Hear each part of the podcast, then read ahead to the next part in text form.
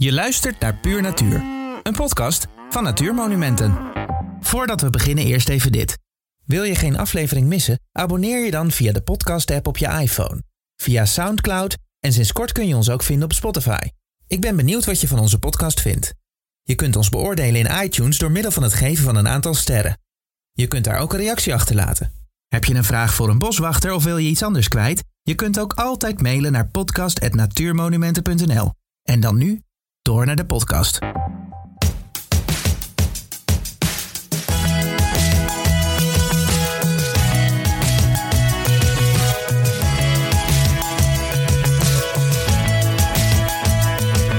In deze aflevering spreken we met Joel Salatin, de meest innovatieve boer ter wereld, over zijn visie op landbouw.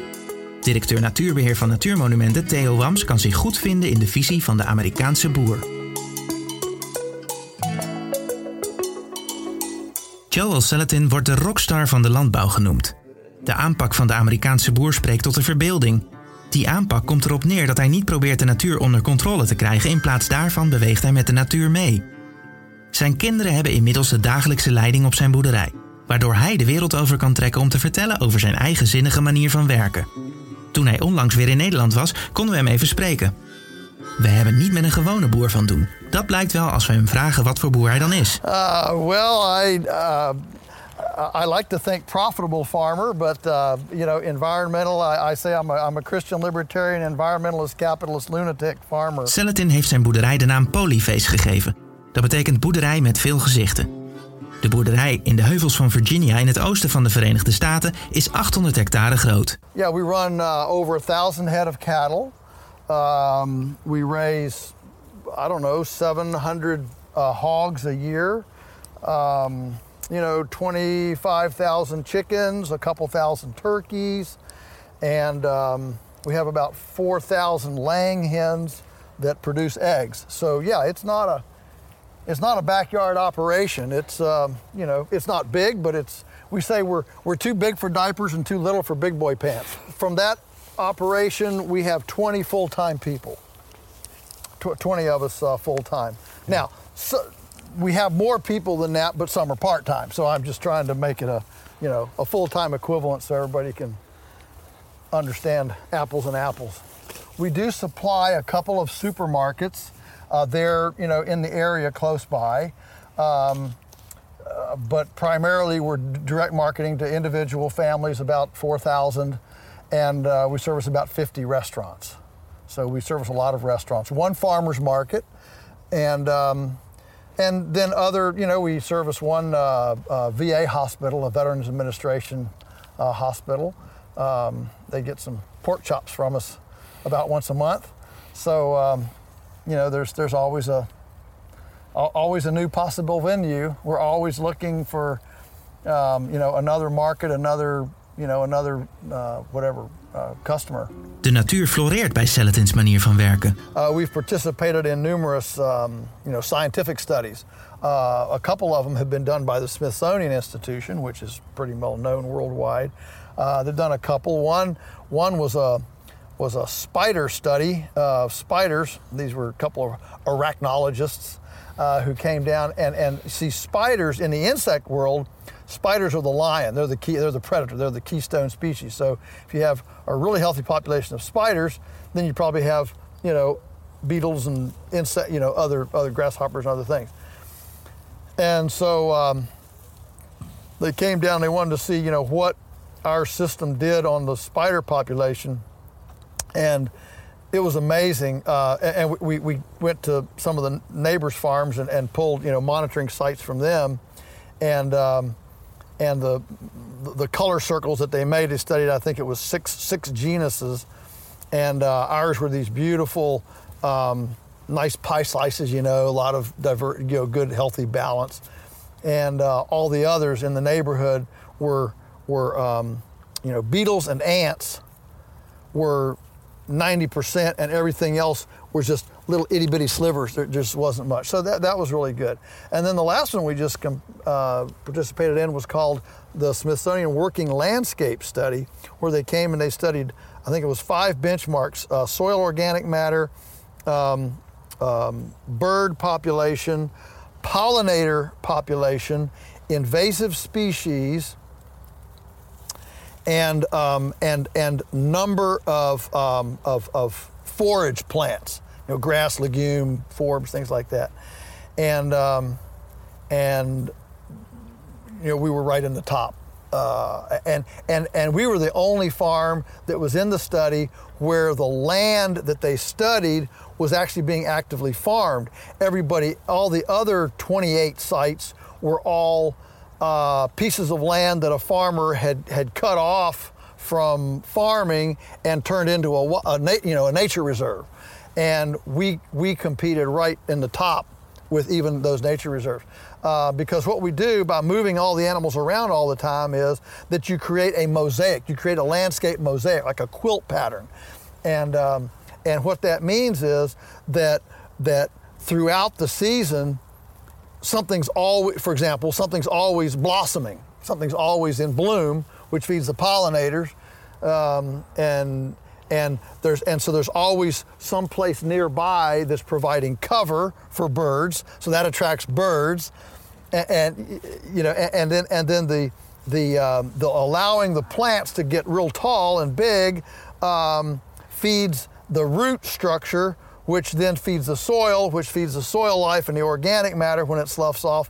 So all, all of these benefits start to accrue when you, when you actually mimic the patterns of nature, which is clumped up animals and moved daily to another spot. Salatin heeft ook te maken met roofdieren als coyotes, wolven en beren.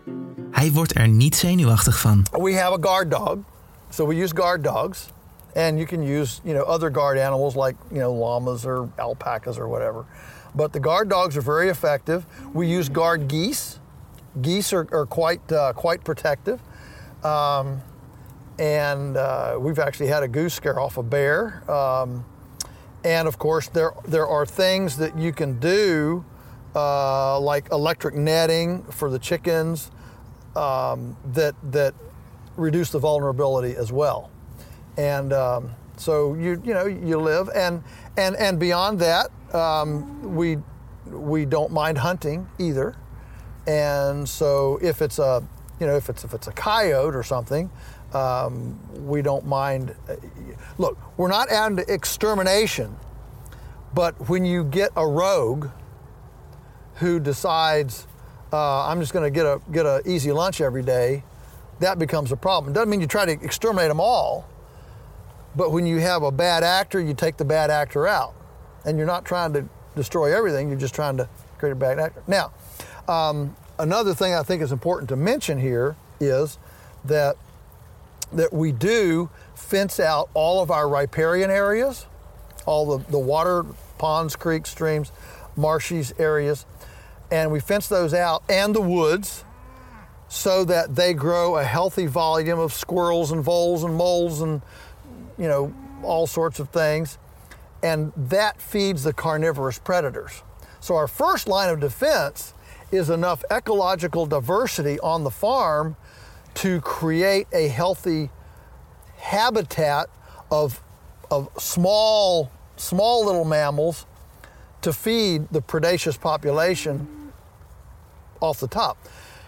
You know, when you when you have long distances without cover, without um, you know, a diversified uh, plant species situation, the predaceous population um, doesn't have alternatives.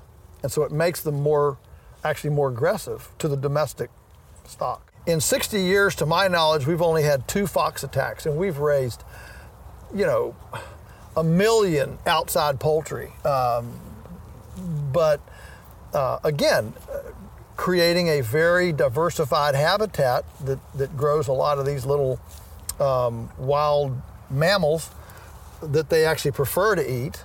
Um, you know, takes some pressure off.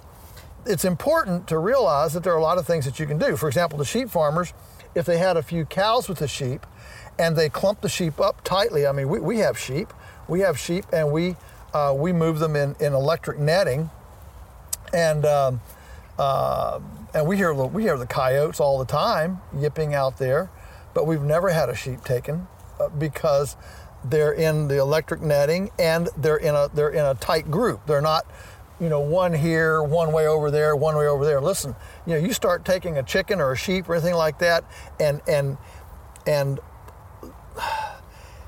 and taking them away from a mob or a flock, they're very vulnerable because those edges are where the predators pick off. Een boerderij die en veel voedsel produceert en waar de natuur volop de ruimte heeft, dat spreekt Theo Wams, directeur natuurbeheer bij Natuurmonumenten, erg aan. Wat ik goed vind aan eh, Joel Salatin is dat hij probeert te boeren met de natuur in plaats van tegen de natuur in.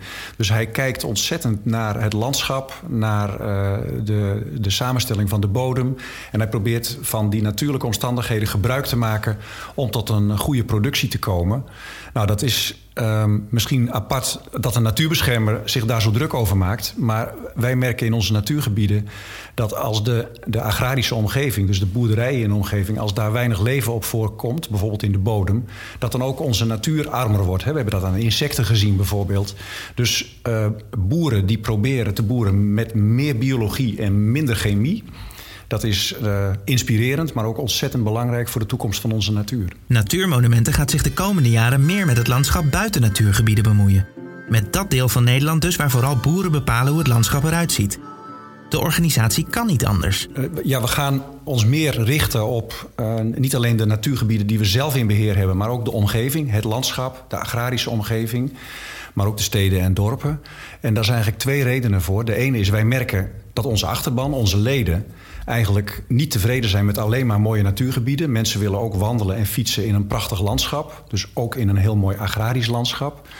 En de andere reden die is dat um, we gemerkt hebben dat de, uh, de, de, het landschap in de omgeving van de natuurgebieden enorme invloed heeft op uiteindelijk de rijkdom van de natuur in onze natuurgebieden.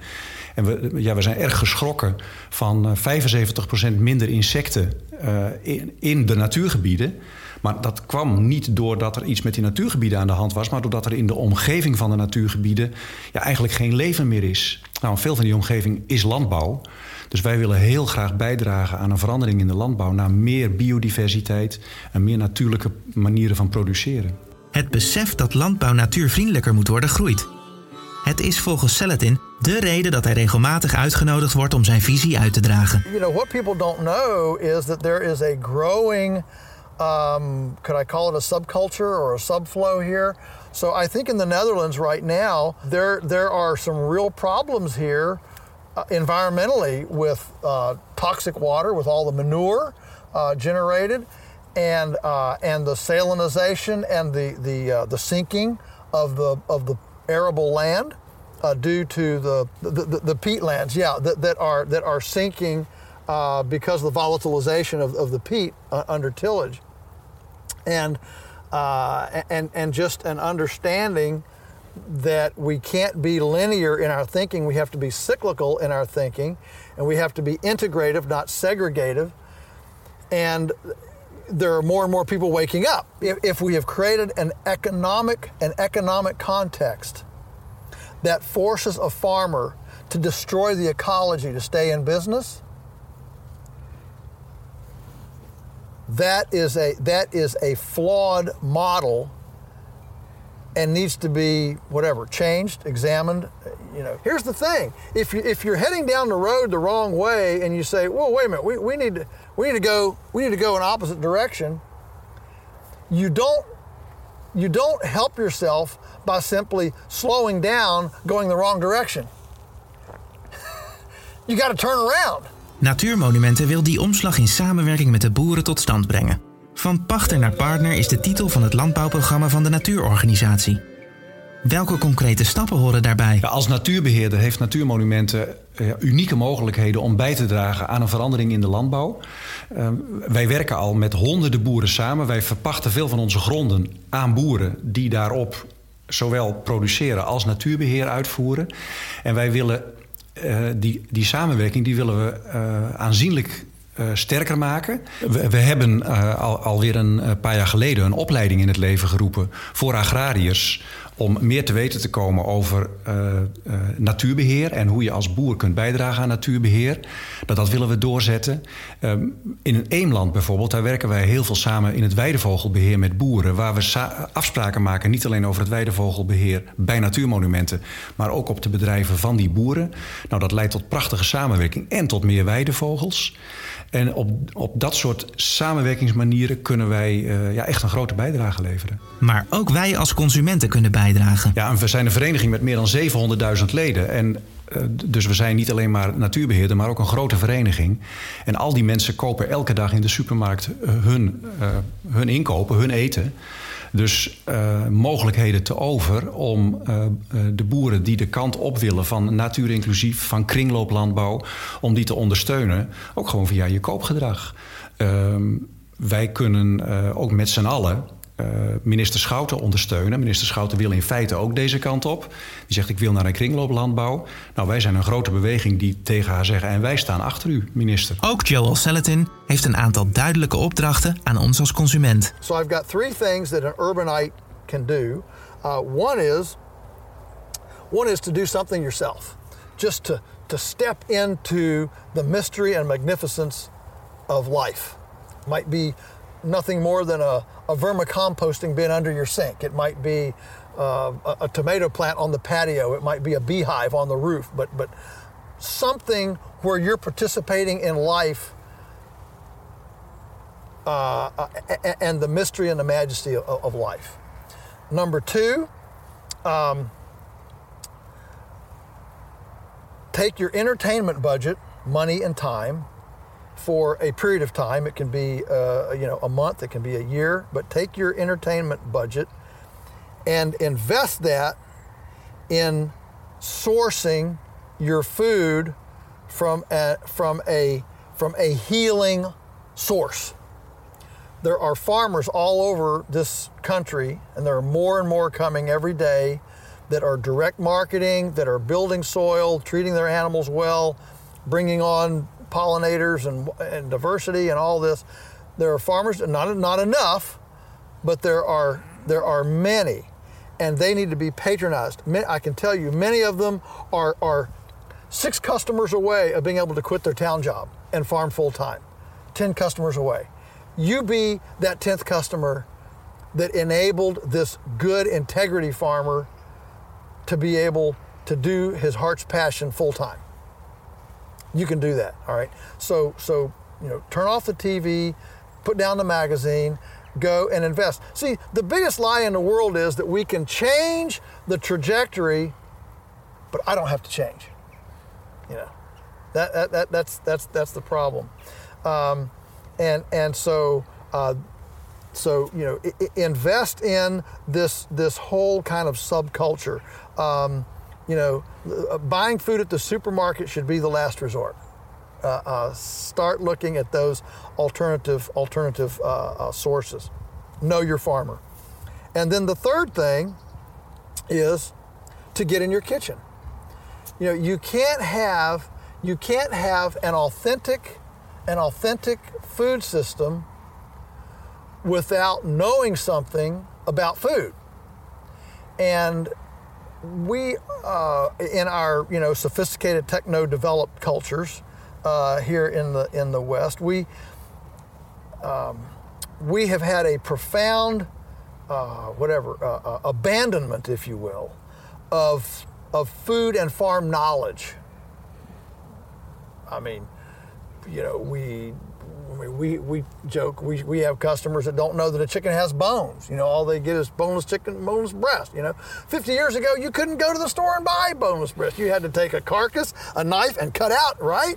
And, and so, um, and so the, the, the level of, of ignorance um, in the consuming sector is, is profound. It's, it's, it's certainly more than it's ever been in human civilization and that that needs to change uh, which means and when i say get in your kitchen i don't mean you know wood stoves and i mean we've got now the most cool techno gadgetry grandma would have given her eye teeth to have you know time bake and hot and cold water on a spigot and a electric stove and um, you know bread makers and ice cream makers and instapots and slow cookers we got the coolest stuff in the world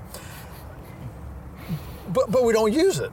You know, we're it's convenience. We you know we, uh, and and so I've I've come to the, to the litmus test. My litmus litmus test of a person who gets it is, are you eating leftovers?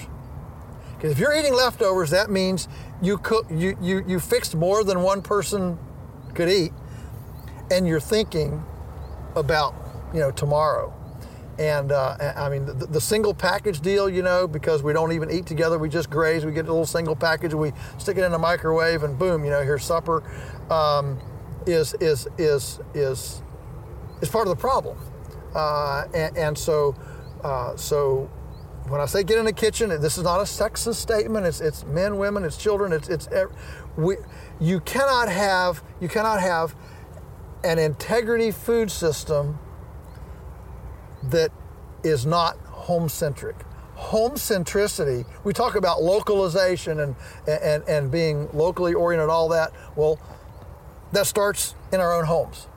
And if our home is only a pit stop between everything else that's valuable in life, then we will not have authenticity and integrity in all those other areas of life. And what happens is when we become profoundly ignorant about food and farming, we become profoundly fearful of it because, hey, I'm like anybody else, I fear what I don't know. The less I know about something, I fear it. I mean, that's just human nature. And so part of our fear of food and our fear of farmers is we don't know anything about them anymore. So that comes from um, from participating, coming down off the bleachers and participating in that game of food and farming. So, uh, so do something yourself, invest in an alternative food system, know your farmer, know your food, and, um, and get in your kitchen and start participating in the food system.